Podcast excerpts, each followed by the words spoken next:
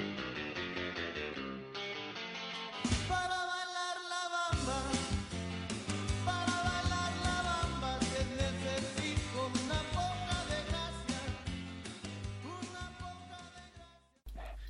ska vara varmt välkomna till veckans avsnitt av La Liga-podden. Eh, denna vecka ska vi bland annat prata om den tidiga seriefinalen som var i helgen mellan Barcelona och Atletico Madrid.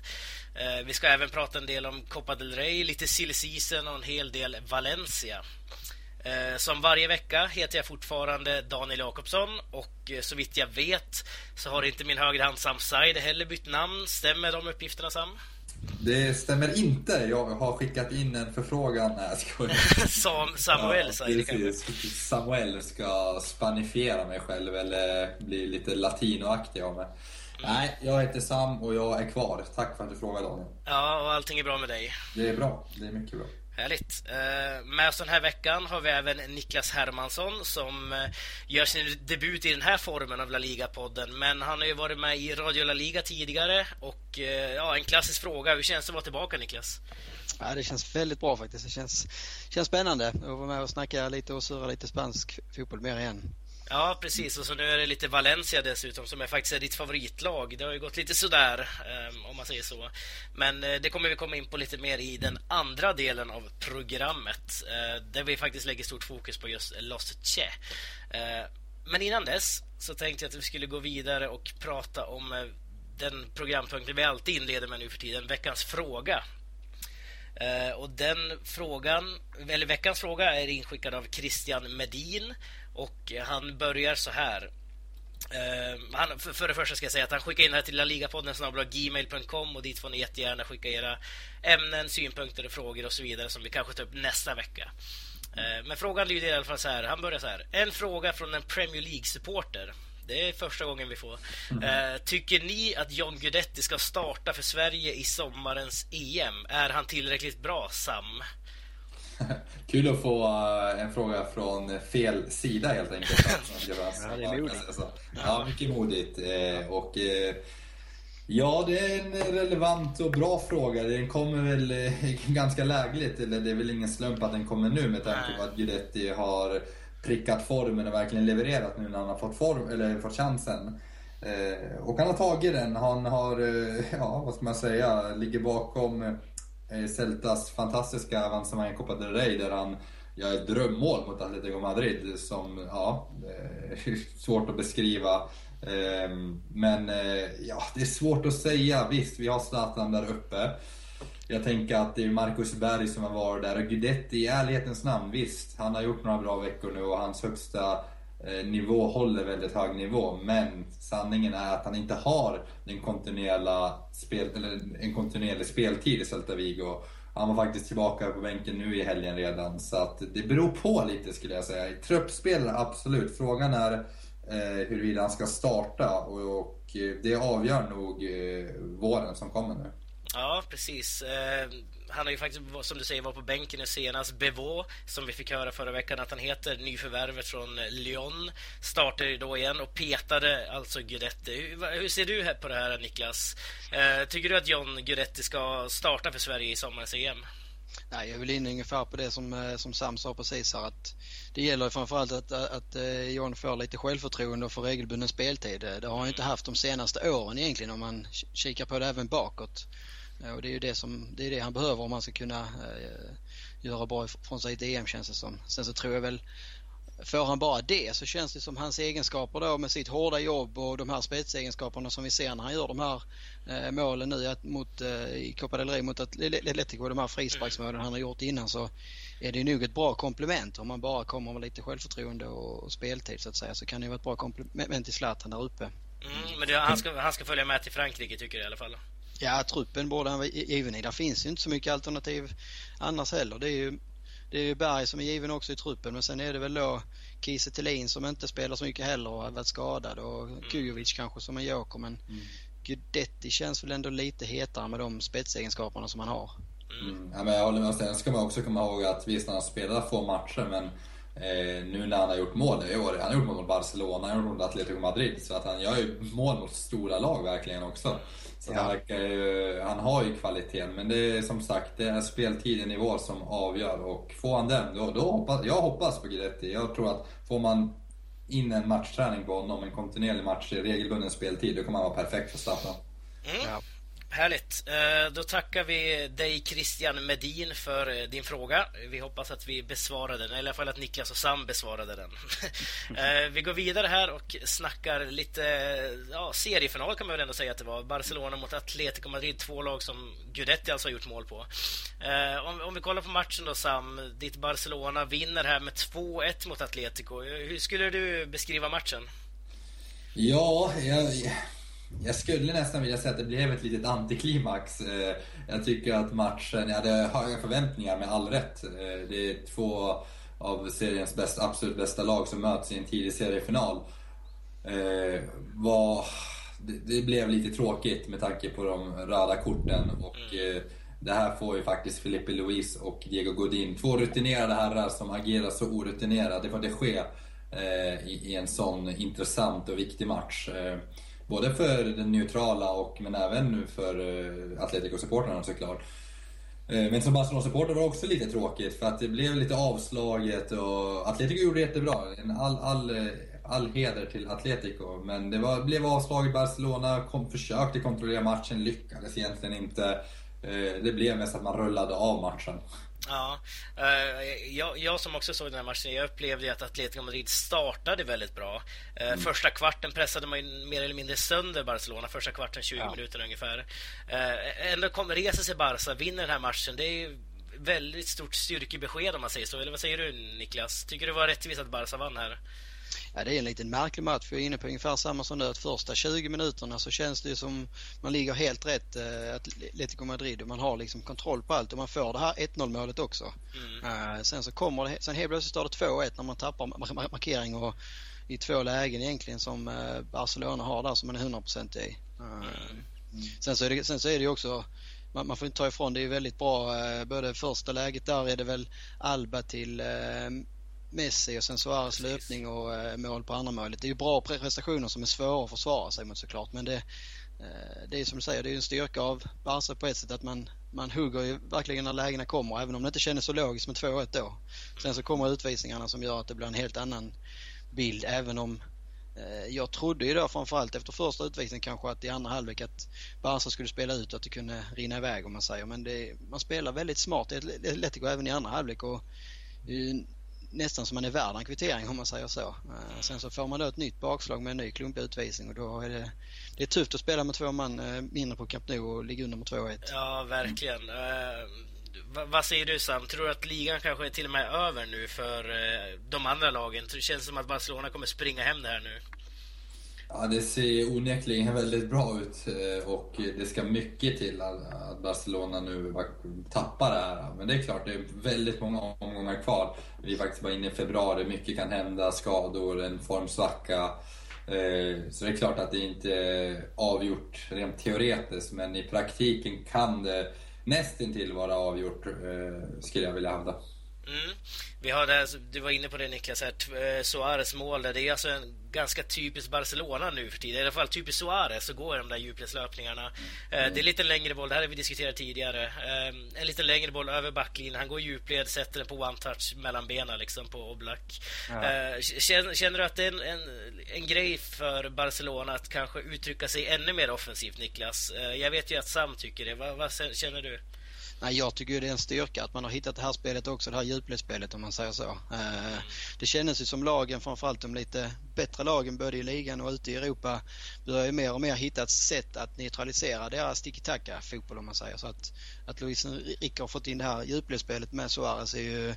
ytterligare en, en styrka så att säga. När man även då har kvar sitt tiki-taka och kan göra mål på ännu fler sätt och hela tiden hota om man säger. Innan så har ju eh, motståndarna kunnat ligga hyfsat högt för man vet att det sällan kommer en boll om man säger. Eh, nu, nu när man använder det hotet så är det ju svårt att eh, försvara sig om man säger så.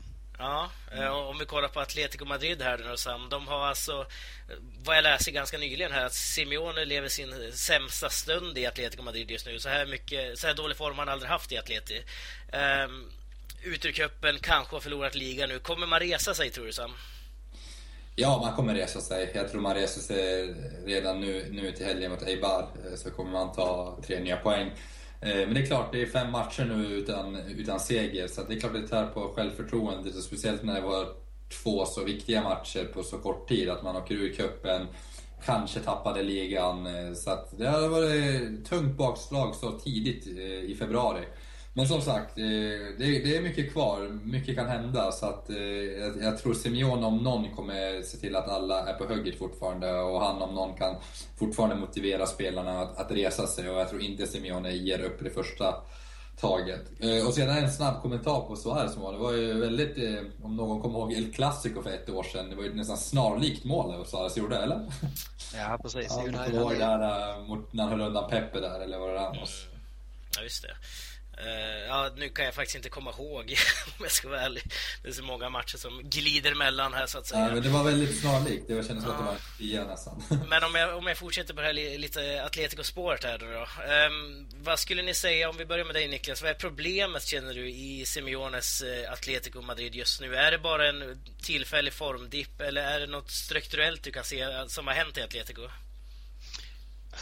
Det, det man spontant kanske ser och vad man har sett skillnaden i fjol och, och året när man vinner eh, ligan det är väl att man inte har den här eh, målskytten som kan göra målen som man behöver. Som till exempel nu, man gör en väldigt, väldigt bra eh, insats men Eh, man, man, behöver, man behöver skapa fler målchanser på varje mål på något sätt känns det som. Innan hade man, eh, först hade man Falcao kanske för några år sedan och sen Griezmann som hade en enorm säsong eh, som gjorde de här målen eh, som gjorde att man kan spela lite mer avslappnat istället för att behöva jaga som här nu om man säger så. Ja, och Agüero och Forlan kan man ju slänga in ja. den där klumpen ja, också. Eh, samma fråga till dig då Sam. Vad, vad känner du är problemet i Atletico just nu? Eh, jag skulle snarare säga att det här är en tillfällig formsvacka. Eh, jag ser inte några strukturer mer än att kanske skadan på Thiago kan ha nu istället långsiktigt satt sin prägel. Även jag tycker augusti faktiskt var helt fantastisk. Ja, nu, är, nu är han långtidsskadad också. På ja, också långtidsskadad. Så att det, det skulle väl vara det som, ja, som eh, man kan se rent spontant strukturellt. Men annars så är det framförallt eh, en tillfällig formsvacka som kommer väldigt olägligt måste jag säga. Just när det avgörs så tidigt i, i cupen och en seriefinal mot Barcelona. Sedan i sanningens namn så var ju första, eh, alltså Atletico första 20 minuterna dominerade ju i stort sett på Camp Nou. Så att det var ingen eh, tal om formsvacka där utan det är ju just den här taktiken om att ligga precis under gränsen vad som är tillåtet för att störa Barcelona. Och Atletico, Atletico brukar kunna göra det.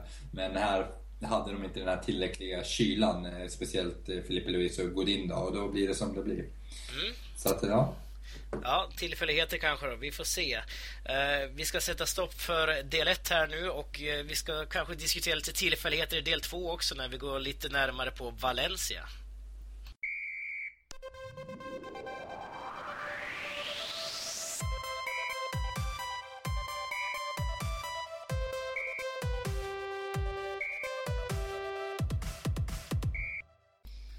En av Spaniens mest anrika klubbar, Valencia, befinner sig just nu i fritt fall i La Liga. Eh, det har ännu inte blivit någon ligaseger för Gary Neville sedan, tog, sedan han tog över klubben i början av december och i helgen som var så torskade man återigen, fast denna gång hemma på Mestalla mot Sporting Gijon. Eh, Niklas, 0-1 slutade matchen. Varför förlorar man ännu en gång? Ja, just den här helgen så eh, var det väl väldigt uppenbart att man förlorar på grund av att man helt enkelt inte tar tillvara på sina målchanser. Eh, skillnaden den här matchen var väl att det trots allt eh, spelmässigt såg ganska bra ut och jag tycker faktiskt att man skapar målchanser till att normalt sett kanske göra 3-4 mål och Negredo för några år sedan hade ju själv gjort fyra höll jag på att säga. Men det är ju det är så här som fotbollen är om man säger. Det är ingen bedömningssport när man vinner på att skapa målchanser eller spela bra utan eh, Sporting eh, gör det bra efter sina förutsättningar och är effektiva på sina lägen om man säger så att mm. det är, väl, eh, det är väl ungefär som Gary Neville själv sa e-, e-, efteråt att det är svårt att analysera en sån här förlust för att jag vet inte riktigt hur man rent taktiskt skulle ändrat om man säger så. Nej, han sa ju det. Han förstod inte alls hur de kunde... Han kunde inte förklara förlusten ens. Han menade på att man borde vunnit med 4-5-0 i princip. Eh, men om vi kollar på jämför den här matchen då, Niklas mot kanske tidigare matcher. Eh, vad är det de skiljer sig åt? Har man haft så här många lägen tidigare i matcher eller är det någonting annat som har satt käppar i hjulen då? Alltså om man kollar lite längre tillbaka i höstas som man säger så, så då tyckte jag att man hade problem att skapa chanser framåt om man säger. Mm. Defensiven då funkar väl hyfsat bra men man hade väldigt, väldigt svårt att få till eh, något offensivt kreativt spel egentligen. Mm. Där har väl Gary Neville ändå fått till det på något sätt får man säga. Sen var det väl lite otur här att när Paco Alcacer började komma i form och gjorde väl nästan mål i varje match så blev han helt plötsligt skadad. Och då ska man då tina upp en Alvaro Negredo från frysboxen så har det inte riktigt ja, i, i alla fall den här matchen. Ser vi förra omgången mot Deportivo så gör man ju en riktigt usel insats men, men, men man gör ett mål i 93 minuten och redan poäng där. Så att det, det är väldigt eh, djupa dalar men inte så höga toppar om man säger så. Mm. Vad, vad, säger du Sam om den här matchen? Hur, hur skulle du titta tillbaka på den? Nej men jag skulle, det är kanske ta emot att säga men, eh, eller ta emot att höra för många Valencia-supportrar. Det är ändå ett ett steg i rätt riktning och då förlorar man matchen. Och jag är nästan inne på Gary Nevilles spår här, att det är lite oförklarat att man inte ja, vinner den här matchen. Man har så otroligt många lägen samtidigt som Gijon gör det väldigt bra också. Eh, men jag delar analysen att Valencia liksom tidigare i höstas och innan tiden med Gary Neville faktiskt hade lite svårigheter att skapa målchanser. Så det är därför jag menar att det är ett steg i rätt riktning. Att nu skapas det målchanser, nu gäller det bara att förvalta dem. Eh, men ja, ja det, det, blir intressant att följa. Nu kommer ju Copa del Rey mot Barcelona här, så frågan är om, om den här catch-up-effekten ska komma redan nu eller om den kommer efter. Precis, man lyckades alltså sluta Las Palmas där i kvartsfinalen. Eh, men ja. nöd och näppe får man väl ändå säga. Ja, det är verkligen. Men om vi kollar på Gary Neville här i eh, ditt Valencia då Niklas. Ehm, ja vad är det som har gått så snett för honom här? Alltså, jag menar, om vi kollar på forumet, exempelvis på svenska fans, så finns det vissa som vill att han ska avgå omedelbart. Vill, vissa vill att han eh, ska få lite mer tid och så vidare. Vad är, vad är din syn på det hela? Tappade man honom där?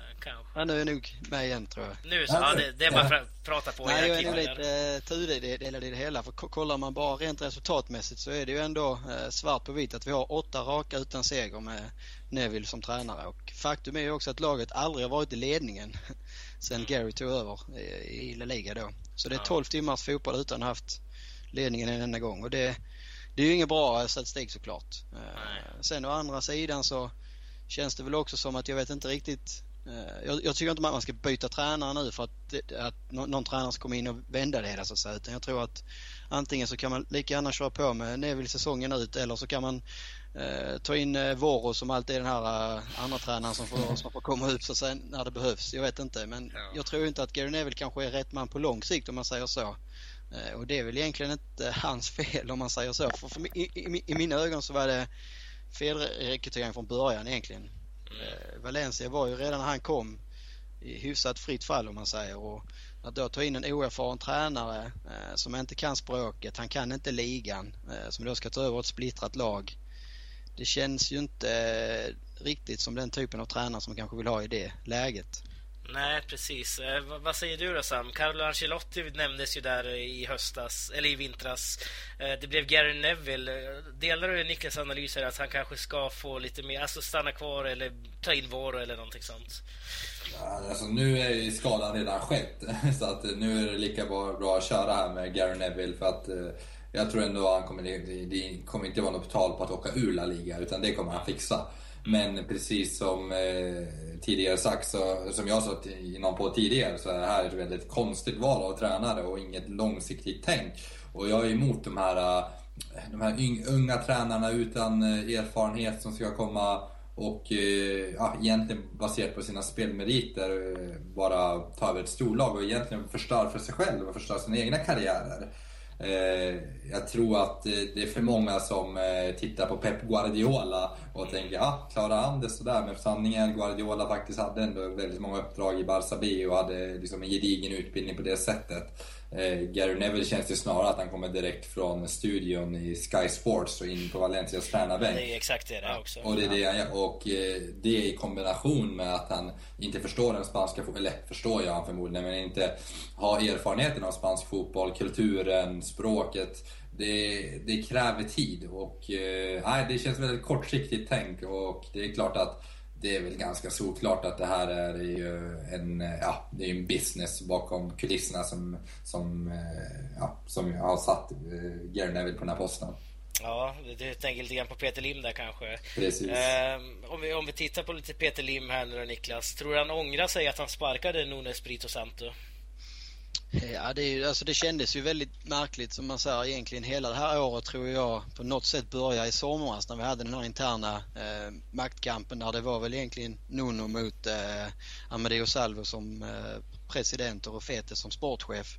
Mm. Och där Lim då gick in liksom och valde eh, Nunos sida om man säger så, vilket då gjorde att Salvo och Fete försvann och Nuno blev kvar. Eh, mm. Och att då samma ägare tre, fyra månader senare sparkar tränaren som han har trott på eh, under sommaren och som han själv har eh, tagit in från början. Det känns ju något konstigt. Det kändes ju kanske som det var lite för mycket tryck utifrån om man säger. Så blev det panik och så tog han in eh, Gary Neville som han kände sen innan. Mm. Um, och hela, hela grejen med Peter Lim börjar mer och mer ifrågasättas på allt fler håll i, i Valencia också. Han, han kom ju liksom som en frälsare nästan för något år sedan och men sedan han väl kom in så har det väl egentligen bara varit en massa felbeslut och kollar man på de två tyngsta posterna i Valencia som man kanske behöver ha koll på när man är ägare som inte är närvarande om man säger så. Då presidentposten och tränarposten så har han ju idag eh, Leihun som är då en eh, affärskvinna eh, mm. som inte kan fotboll egentligen och kan inte spanska språket eller Spanien eller någonting så här heller som då ska leda den dagliga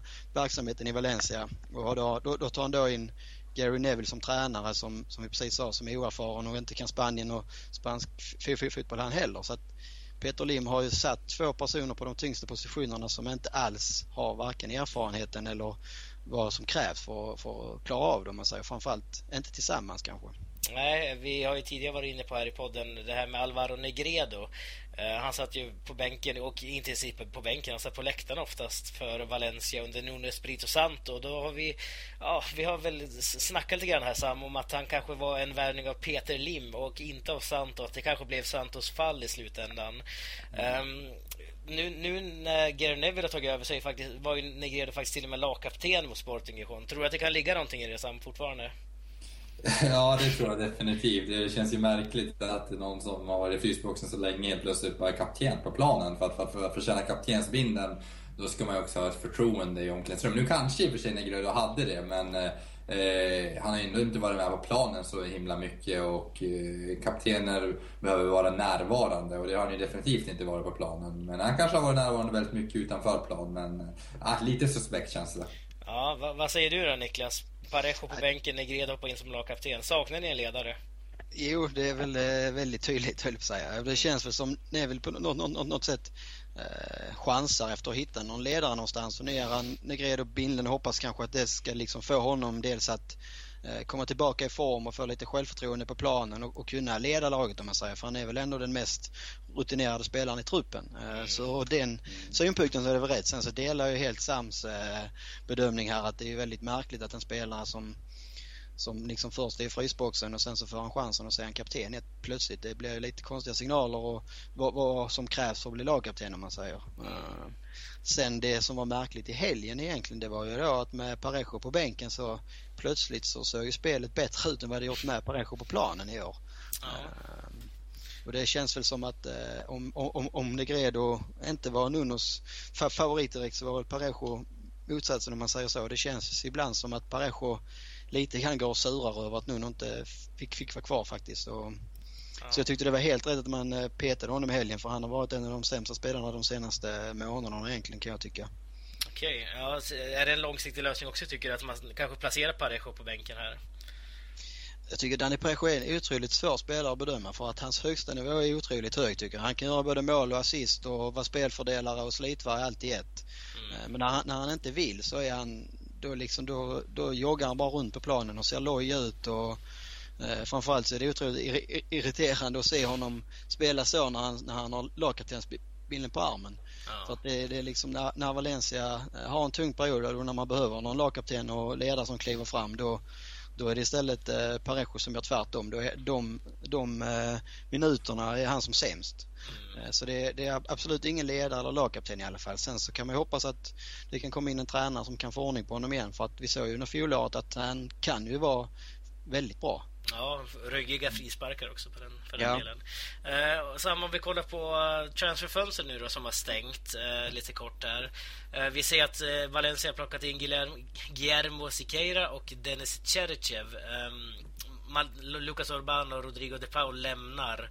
Eh, vad, vad, tycker du om truppen nu Sam? Känns det som att det var två spelare som stärker truppen eller ungefär liknande spelartyper?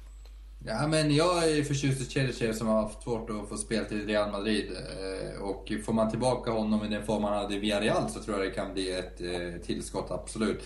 Sikerina, eh, absolut, också ett tillskott som kan bidra. Men ah, det är väl kanske inte så här nå, någonting man ryser av och som ska vara det där lilla extra. Det, alltså, det, det är inga som sticker ut på det sättet. Nej. Eh, man har ju redan Gaia exempelvis på vänsterbacksposten mm. i Valencia. Precis, så Siquera tror jag inte ens kommer, han kommer verkligen inte peta en Gaia som är i form eller är skadefri. Så att eh, det blir mer en rotationsspelare. Mm, samma fråga till dig då Niklas. Eh, vad tycker du om fönstret och de spelarna jag hämtar in här? Ja, det kändes ju väldigt märkligt faktiskt och prioriteringarna måste man ju ifrågasätta igen hos ledningen om man säger så. Det känns ju som att vad vi egentligen skrek efter var, var kanske en defensiv innermittfältare eller mittback om man säger. Mm. Eh, eller, eller kanske en högerback före en eh, vänsterback där vi då har Bargan och Cancelo som inte övertygat sådär supermycket utan varit lite upp och ner. Eh, så här tar man in en vänsterytter och en vänsterback eh, och två yttrar eller en ytter och en vänsterback lämnar så det känns ju som plus minus noll kanske även om jag tror att mm. en Cheryshev i form kan bidra så känns det ändå inte som att det var, det var just där som Valencia har saknat någonting eller behöver någon förstärkning. Vi har ju ändå en både Piatti och Bacalli och även Santimina och Rodrigo som kan spela vänsterytter kanske så att det var märkliga värvningar faktiskt. Ja, vad har hänt med Cancelo då? Han var väl väldigt lovande där under hösten har jag för mig. Han är väl väldigt bra i offensiven eh, kan jag tycka eh, som mm. ytterback men han har problem i defensiva spelet och man hoppades väl att när Neville kom in att han kunde eh, som gammal högerback så att säga kunde styra upp honom där men det har väl inte riktigt blivit någon bättring där heller. Nej, Eh, härligt. Men vi ska faktiskt runda av här nu och eh, ska avsluta programmet i del 3 då som kommer härnäst med lite Copa del Rey och eh, lite mer Winter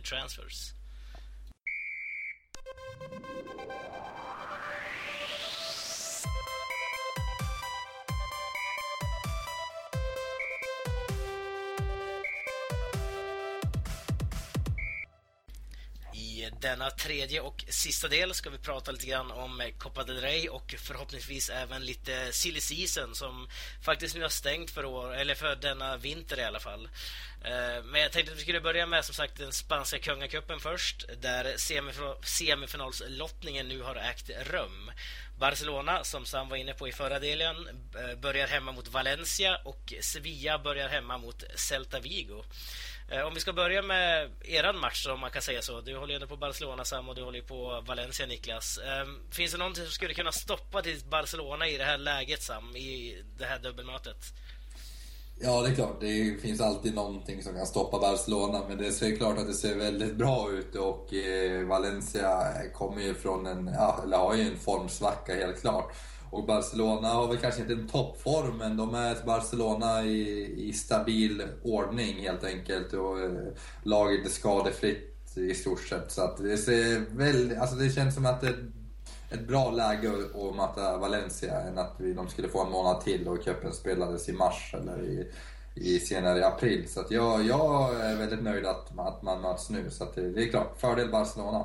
Mm, mardrömslottning för dig kanske då Niklas. Um, vad ska ditt Valencia kunna göra för att besegra Barcelona vid de här två mötena?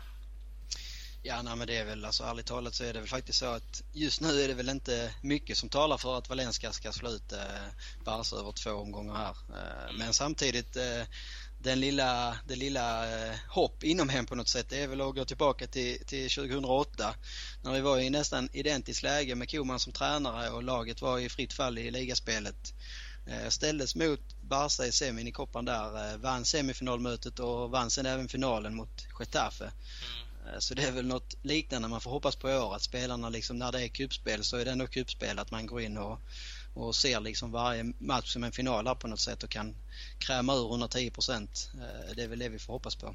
Ja, vad, vad, tror du Sam, kommer Barcelona nu i och med Valencias form? Tror du man kommer kanske underskatta Valencia till och med? Kommer man löfta spelare, kanske köra med lite B-lagslirare och så vidare?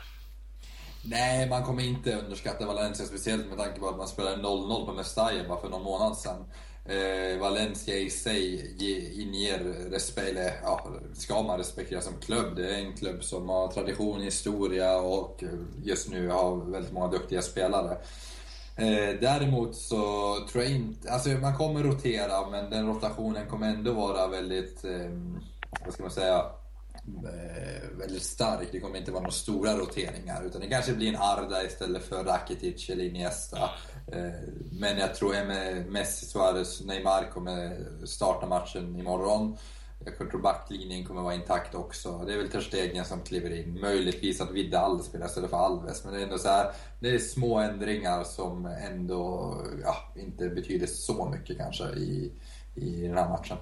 Nej, eh, för, för Valencias del så om vi kollar på vad Gary Neville sa, så, så, lägger han mer fokus på ligan, vilket kanske är förståeligt. Men å andra sidan, man är ändå i en semifinal i Copa del Rey nu, Niklas. Ska man kanske inte prioritera det här kanske?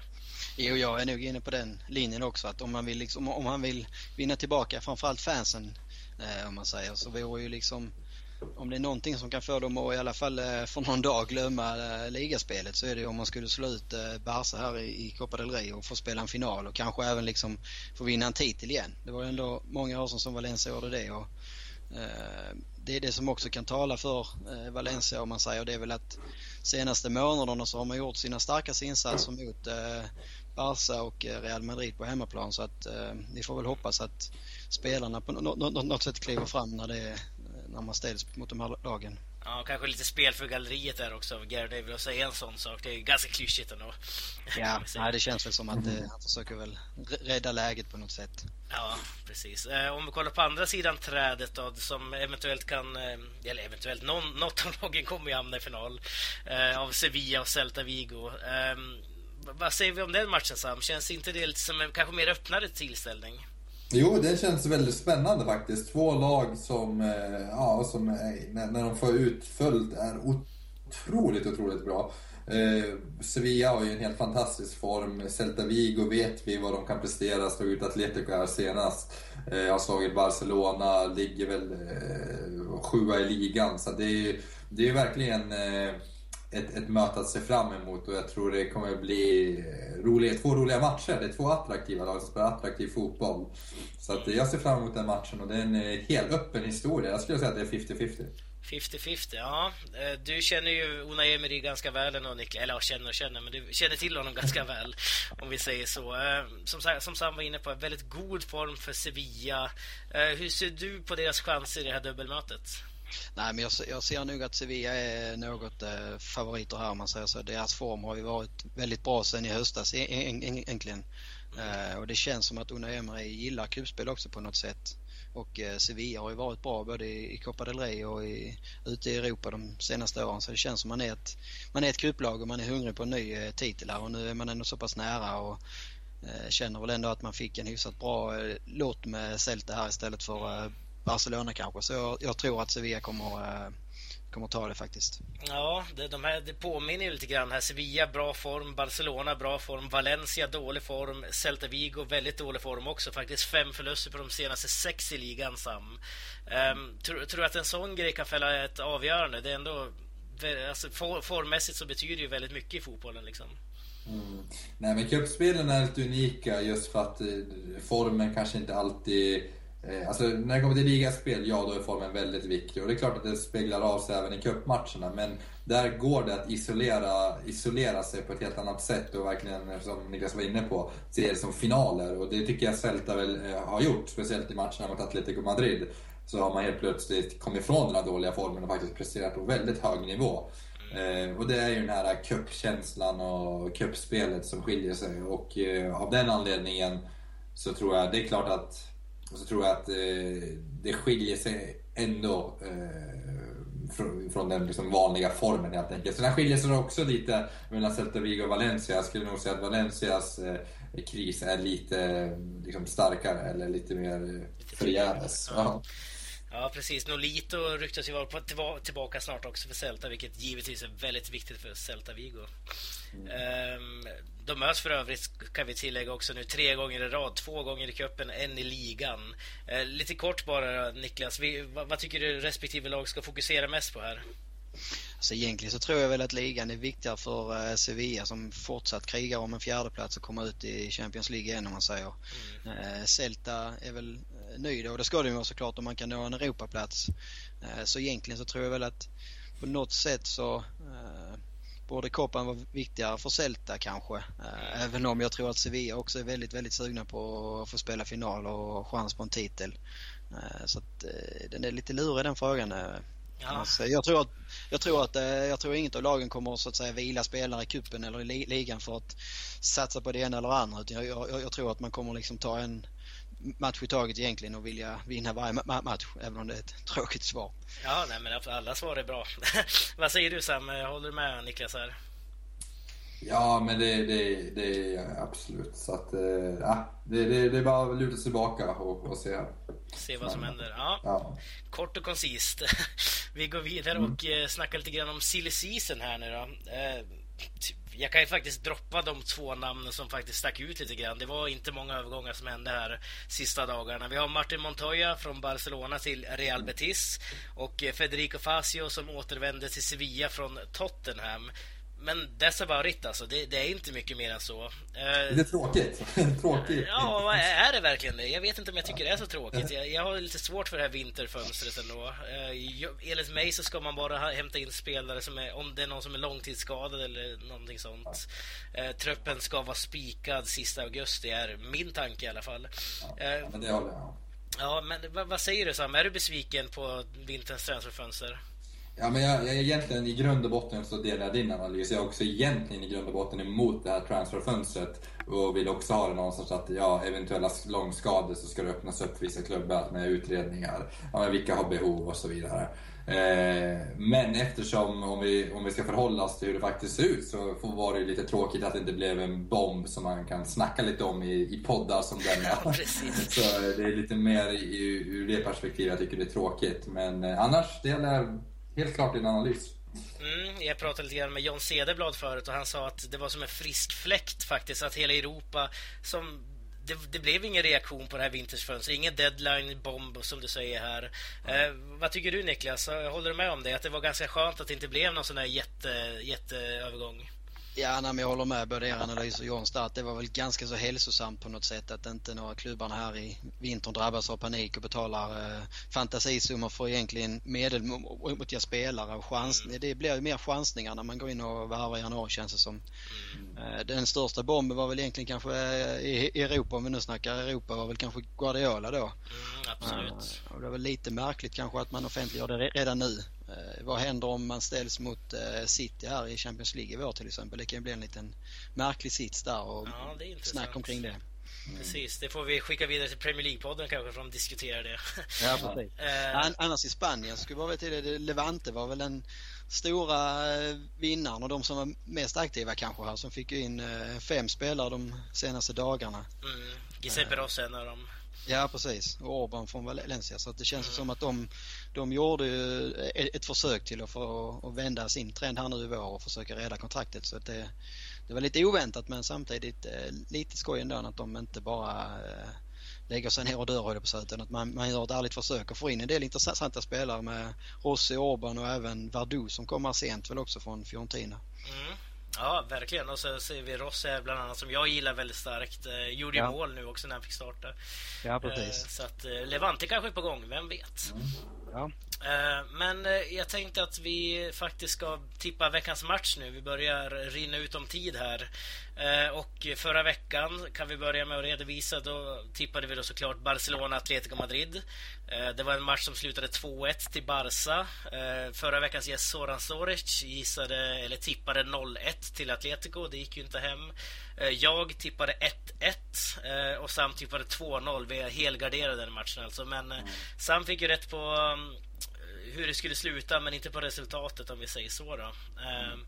Denna vecka så tänkte jag att vi skulle tippa ett möte som faktiskt alltid är väldigt intressant. Väldigt underskattat möte i Spanien, uppe i norra delarna. Och det är då Asturiska Sporting Gijón mot Galiciska Deportivo La Coruña. Och det, där vet många som följer exempelvis mitt Depor att det finns många heta känslor inblandade. Som för några år sedan när man åkte ur La Liga bland annat.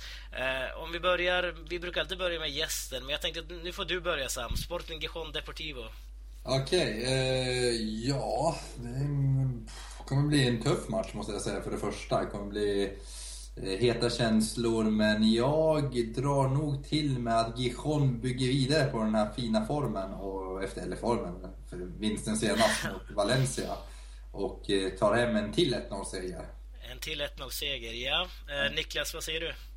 Jag hade ju faktiskt skrivit 1-0 här också på eh, mina dina noteringar. Eh, jag tror väl ungefär som Sam säger med att sporten kan höja sig efter den här för deras del kanske oväntade segern på Mestalla. Eh, samtidigt så har väl inte formen för Deppo varit sådär. Man har de inte vunnit 2016 tror jag va? Nej, det har varit väldigt tungt om vi säger så. Vi behöver inte gå in närmare på det. Ja, jag, om man, ja, jag tror väl på 1-0 att jag tror väl det kan bli rätt så målsnålt om man säger så. Det kommer ja. bli en fysisk match med få målchanser kanske. Okej, 1-0, 1-0. Om du inte får säga 1-0 då Niklas, vad skulle du säga då? Nej, då skulle jag nog säga 0-0 faktiskt. 0-0, ja. ja. Uh, men eh, då ska vi tänka här. Jag, jag, jag kommer ju såklart tippa på Depor seger här. Uh, jag, jag funderar på om det skulle vara 0-1 eller 0-8. Uh, nej, skämt åsido. Jag, jag gissar på 1-2 till Depor. Jag tror att Lucas Perez gör ett mål och Fire gör till. sen Sporting Gijon blir väl något självmål av ja, vem, vem det nu som står, det vet man aldrig längre i Deportivo. Um, om det är Lux eller Pretikosa eller Manu eller vem det nu blir. Uh, härligt! Uh, Sam, ja. veckans uh, Tokier veckans Faubär har väl du suttit och laddat med? Jajamensan, och veckans Trocero har vi varit lite inne på. Det är Sevilla som har visat upp en magnifik form. De har bara en förlust på de 17 senaste matcherna. Vilket är imponerande. Och Sevilla kommer nu och eh, jaga, om man kommer ihåg tabellen rätt här, Villarreals, eh, Villarreal på fjärdeplatsen. Mm. Och eh, ja, all cred till Sevilla, veckans Tokiero. Ja, hela Sevilla får den alltså. Precis, formen framförallt. ja, for formen. Sevillas form kanske får veckans Sevillas form. Ja, veckans förbär då? Veckans Faubert får två spelare dela på och det är såklart Diego Godin och Felipe Luis som inte lyckas behålla den kyla som krävs för att eh, implementera Simeones taktik. Det vill säga att ligga precis under den här uh, gränsen för att störa Barcelona. Utan då kliver de, kanske de två mest rutinerade herrarna, mest rutinerade herrarna i startelvan och gör sådär. Nej, pannkaka och Faubert-utmärkelse. Mm, solklara röda kort måste man också ja, säga. Framförallt Filippe, ja. Filippe Luis där, det var riktigt Ja, verkligen. verkligen. Uh, köper du listan Niklas? Är det någonting du vill tillägga där? Jag tyckte den var bra. Jag hade väl, eh, jag tänkte mig annars Villarreal som jag också tycker har haft en fin form. Jag tror de har nio raka här nu utan förlust också. Och med deras eh, budget och deras satsning så att säga så är det rätt så otroligt att man ligger på fjärde platsen än faktiskt. Eh, och Faubert i mina ögon var väl Alvaro Negredo rätt så given efter de tokmissarna han, han gjorde helgen faktiskt. Ja, Mästarpubliken rev av håret såg det ut som. Ja, det var helt otroligt faktiskt. Ja, härligt. Men du, tack så jättemycket för att du var med den här veckan Niklas. Jag hoppas du kan vara med framöver också här. Absolut, det var jätteskoj. Ja, snacka lite Valencia. Och tack till dig också Sam. Tack själv. Um, om ni vill lyssna på gamla klipp och så vidare kan ni gå in på laligapodden.se. Uh, vill ni skicka in lite ämnen, synpunkter, kanske någon fråga så kan ni skicka in det till laligapodden gmail.com och där kan ni även skriva om ni vill vara med i ett eh, kommande program eventuellt alltid kul att få med lite diverse åsikter så att säga. Eh, men då avslutar vi här. Tack och hej! Hej! Tack.